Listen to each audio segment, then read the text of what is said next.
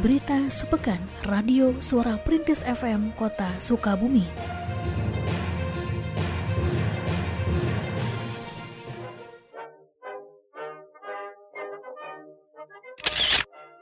Perusahaan Umum Daerah atau Perumda Air Minum Tirta Bumi Wibawa memiliki dua inovasi baru dalam rangka peningkatan layanan mereka yakni sambal goang atau sambungan langganan nganggo angsuran dan pembayaran tagihan melalui KRIS bekerja sama dengan Bank BJB. Dua inovasi ini diluncurkan oleh Wali Kota Sukabumi Ahmad Fahmi pada hari Selasa 9 Maret 2021 di kantor Perumda AM Tirta Bumi Wibawa. Direktur Perumda AM Tirta Bumi Wibawa, Abdul Holik Fajdawani menjelaskan bahwa sambal guang merupakan program baru untuk masyarakat yang ingin melakukan pemasangan baru dengan bantuan cicilan selama enam bulan. Inovasi ini dihadirkan untuk memberikan keringanan kepada para calon konsumen yang menginginkan pelayanan Perumda AM Tirta Bumi Wibawa. Melalui inovasi ini, konsumen bisa mencicil biaya pemasangan dengan biaya ringan dan flat selama enam bulan. Sementara untuk inovasi kris yang dihadirkan, bekerja sama dengan BJB, memudahkan konsumen karena pembayaran dapat dilaksanakan secara online. Wali Kota Sukabumi menandaskan bahwa pemerintah Kota Sukabumi mendorong setiap perangkat daerah termasuk perusahaan umum daerah untuk terus berinovasi dalam meningkatkan dan mempermudah pelayanannya kepada masyarakat. Pada kesempatan tersebut, diserahkan pula penghargaan untuk Perumda AM Tirta Bumi Wibawa dari Water.org yang merupakan organisasi nirlaba internasional yang bertujuan untuk menghadirkan layanan air minum dan sanitasi. Penghargaan tersebut diserahkan langsung oleh Don Johnston selaku Senior Operation Director Water.org. Perumda ini mampu memberikan inovasi kemudahan kepada para warga masyarakat dan yang ditawarkan oleh Perumda PDM kita adalah aplikasi sambal goang ini sebagai salah satu inovasinya. Dengan harapan masyarakat yang berada dalam kondisi kurang mampu, khususnya eh, pasca pandemi saat ini, mereka tetap mampu dan bisa mengakses layanan PDAM dengan menggunakan angsuran. Ya selain sambal goang ini, eh, Perumda juga melaksanakan kerjasama dengan BJB dalam konteks eh, pembayaran eh, tagihan pelanggan yaitu pelaksanaan QRIS yang tadi berkemitraannya kita lakukan dengan BJB sehingga tadi masyarakat juga mendapatkan kemudahan untuk melakukan tagihan pelanggan. Seusai peluncuran inovasi sambal goang dan KRIS Perumda AM Tirta Bumi Wibawa pada hari Selasa, 9 Maret 2021, Wali Kota Sukabumi, Ahmad Fahmi, dalam keterangan persnya menandaskan bahwa sejauh ini, varian baru virus corona yang dinamakan B117 belum ditemukan kasusnya di kota Sukabumi. Selain itu, ia menegaskan bahwa jumlah kasus COVID-19 di kota Sukabumi dalam tiga pekan terakhir cenderung menurun. Sebagai langkah untuk semakin menurunkan jumlah kasus COVID-19 dan sesuai arahan pemerintah Provinsi Jawa Barat, pemerintah Kota Sukabumi tetap memperlakukan protokol kesehatan yang ketat, ditambah dengan pemberlakuan pembatasan kegiatan masyarakat atau PPKM yang diperpanjang sampai dengan 22 Maret mendatang. Alhamdulillah saat ini di Kota Sukabumi sih belum belum ditemukan dan kita berharap memang tidak ditemukan. Mudah-mudahan kondisi sebagaimana tiga pekan terakhir ini cenderung melandai lah. Langkah antisipasinya tetap sebagaimana kemarin rakor yang dilaksanakan oleh Pak Gubernur beserta Forkopimda Provinsi. Pertama, kita diminta untuk menguatkan proses vaksinasi ke seluruh warga masyarakat. Pastikan di bulan Juli sudah tuntas vaksinasi ini yang kedua juga tetap pemberlakuan protokol kesehatan yang kuat di kalangan masyarakat. Vaksin hari ini, eh, sepekan ini kita fokuskan kepada guru, ya, guru sekolah maupun guru madrasah dari semua jenjang pendidikan. Setelah guru apakah anak siswa juga, Pak? guru kemudian pedagang karena kan ada ada aturan yang juklak juknis yang telah diberikan oleh Kementerian Kesehatan jadi setelah guru kita akan fokus kepada pedagang salah satu harapannya ketika guru sudah mendapatkan vaksinasi seluruhnya kita berharap pembukaan sekolah tatap muka bisa kita laksanakan itu harapannya Direktur Perumda AM, Tirta Bumi Wibawa, Abdul Holik Fajdawani, seusai peluncuran dua inovasi layanan Perumda AM Tirta Bumi Wibawa hari Selasa kemarin, menjelaskan bahwa dengan inovasi sambungan langganan nganggo angsuran atau sambal goang, ia menargetkan 122 pemasangan sambungan baru. Target tersebut ditetapkan dengan mempertimbangkan ketersediaan pasokan air, sehingga dalam pengajuan pemasangan sambungan baru akan dilakukan survei terlebih dahulu untuk memastikan lokasi sambungan baru bisa dipastikan mendapatkan pasokan air. Sambal ini seperti apa sih? Masyarakat bisa menggunakan. Nah, masyarakat datang, bayar uang muka 200 ribu, kita pasang, bulan depan dia bayar cicilan, berikut pemakaian air. Hmm. 6 bulan. 6 bulan. Flat cicilannya flat, nggak ada bunga. Nah, target kita bisa terkejar 122 tabungan ya. Uh, karena kita membatasi pemasangan untuk daerah-daerah yang menurut kita suplainya tersedia airnya. Karena kita minus tadi. Dari mana aja? Apa? Dari mana aja? Uh, ada ada ada ada analisa EPANET namanya. Hmm. Kan ada standar minimal harus 0,05 bar per, per pelanggan.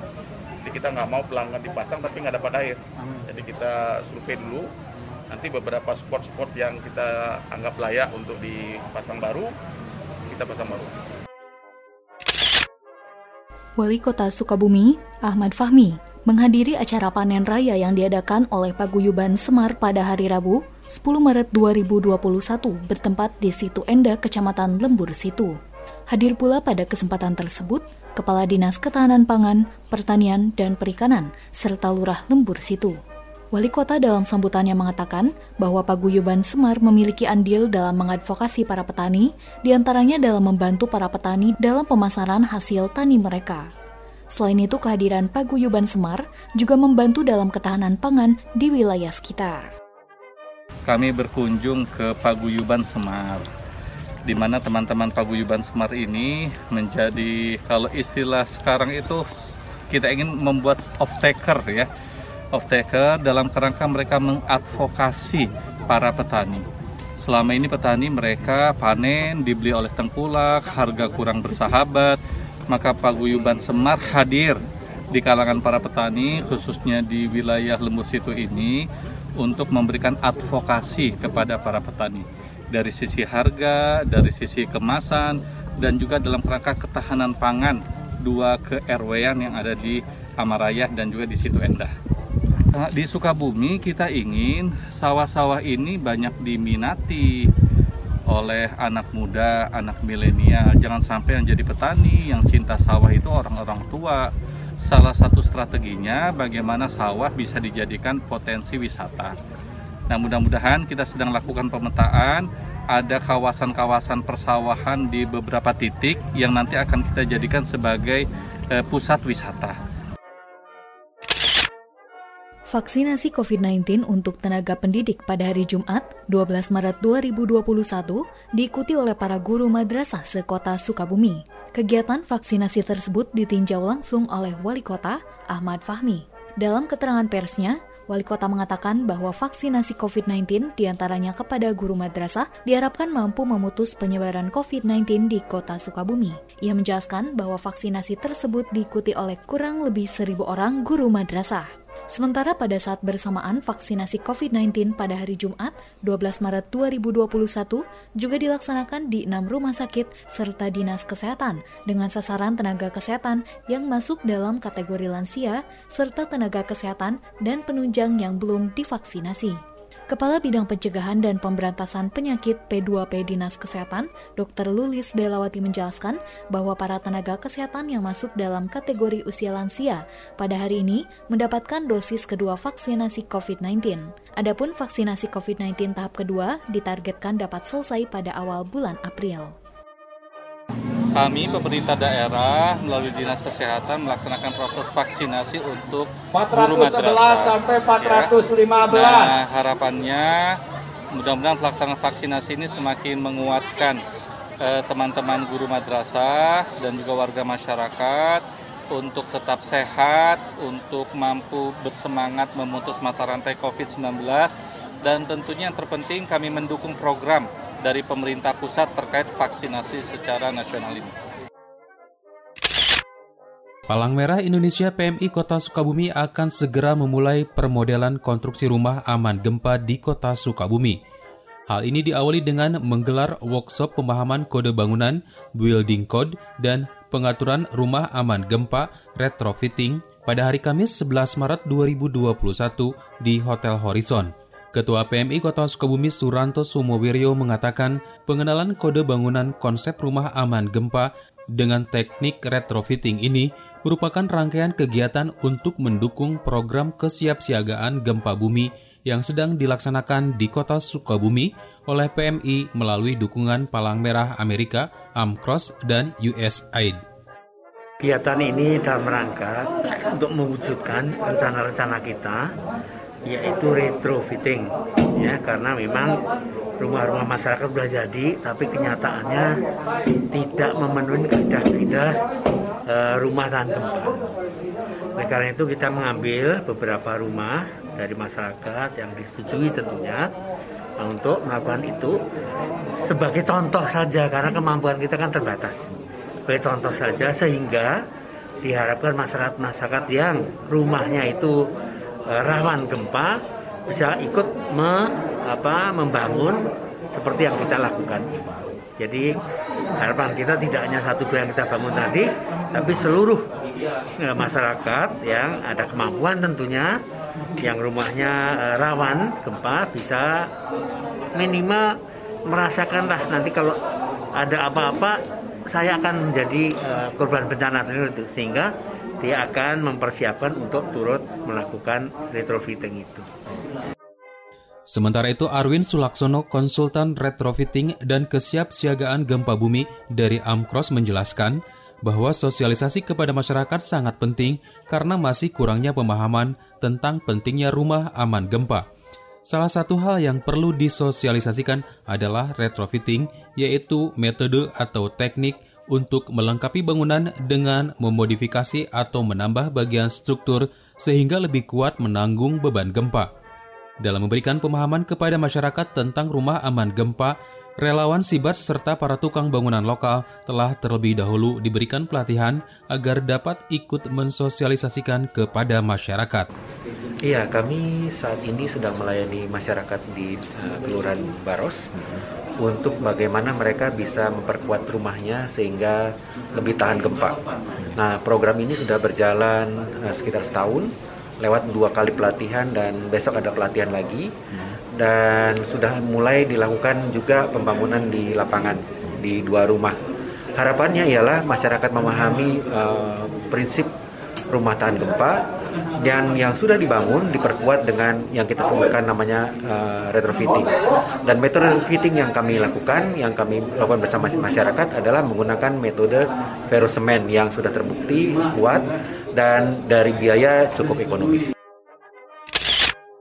Kepala Bidang Pencegahan dan Pemberantasan Penyakit P2P Dinas Kesehatan Lulis Delawati menjelaskan bahwa pelaksanaan vaksinasi pada hari Jumat 12 Maret 2021 selain dilaksanakan di Gedung Juang, juga dilaksanakan di enam rumah sakit serta dinas kesehatan dengan sasaran tenaga kesehatan yang masuk dalam kategori lansia, serta tenaga kesehatan dan penunjang yang belum divaksinasi. Dijelaskannya bahwa para tenaga kesehatan yang masuk dalam kategori lansia mendapatkan dosis kedua vaksinasi COVID-19 dengan jumlah peserta mencapai 400 orang. Ia juga menjelaskan bahwa sasaran vaksinasi tahap kedua untuk petugas pelayan publik juga mencakup para ketua RW dan RT, atlet, serta pekerja di sektor pariwisata. Adapun vaksinasi COVID-19 ditargetkan dapat selesai pada awal bulan April. Uh, hari ini kita melaksanakan uh, vaksinasi di beberapa tempat ya, tidak hanya di Gedung Juang, tetapi juga di enam rumah sakit dan juga ada pos di dinas kesehatan. Ya, untuk yang di pos dinas kesehatan itu untuk uh, do dosis kedua tenaga kesehatan lansia, uh, lansia yang tenaga kesehatan saja ya dosis kedua, ditambah tenaga kesehatan dan penunjang yang belum divaksinasi. Itu untuk yang di dinas kesehatan. Sasarannya sih kurang lebih 400 orang dengan yang dosis kedua nakes lansia.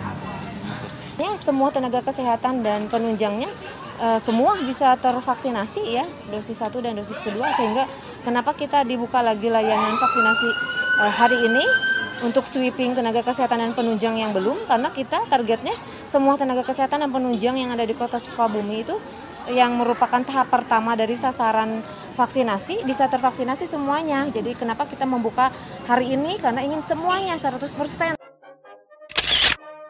Wali Kota Sukabumi Ahmad Fahmi didampingi Kepala Dinas Sosial Kota Sukabumi menyerahkan bantuan kepada seorang warga Kelurahan Baros yang menderita sakit leukemia pada hari Jumat 12 Maret 2021. Bantuan tersebut bersumber dari program udunan online. Hadir pula pada kesempatan tersebut pengelola udunan online dari Forum Silih Asah Silih Asuh Undang Hidayat dan Camat Baros.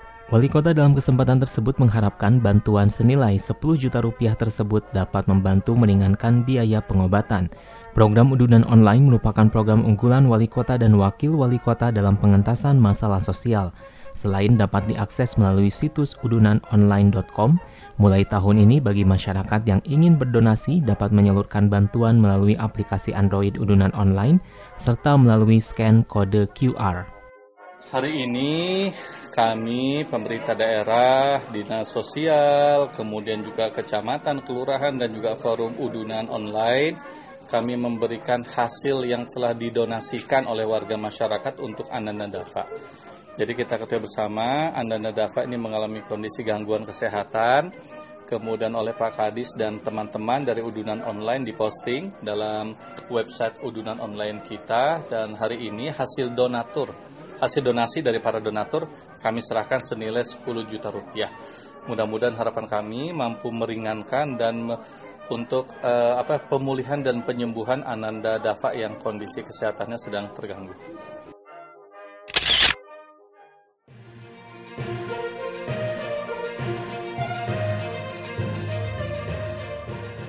Berita Sepekan Radio Suara Perintis FM Kota Sukabumi.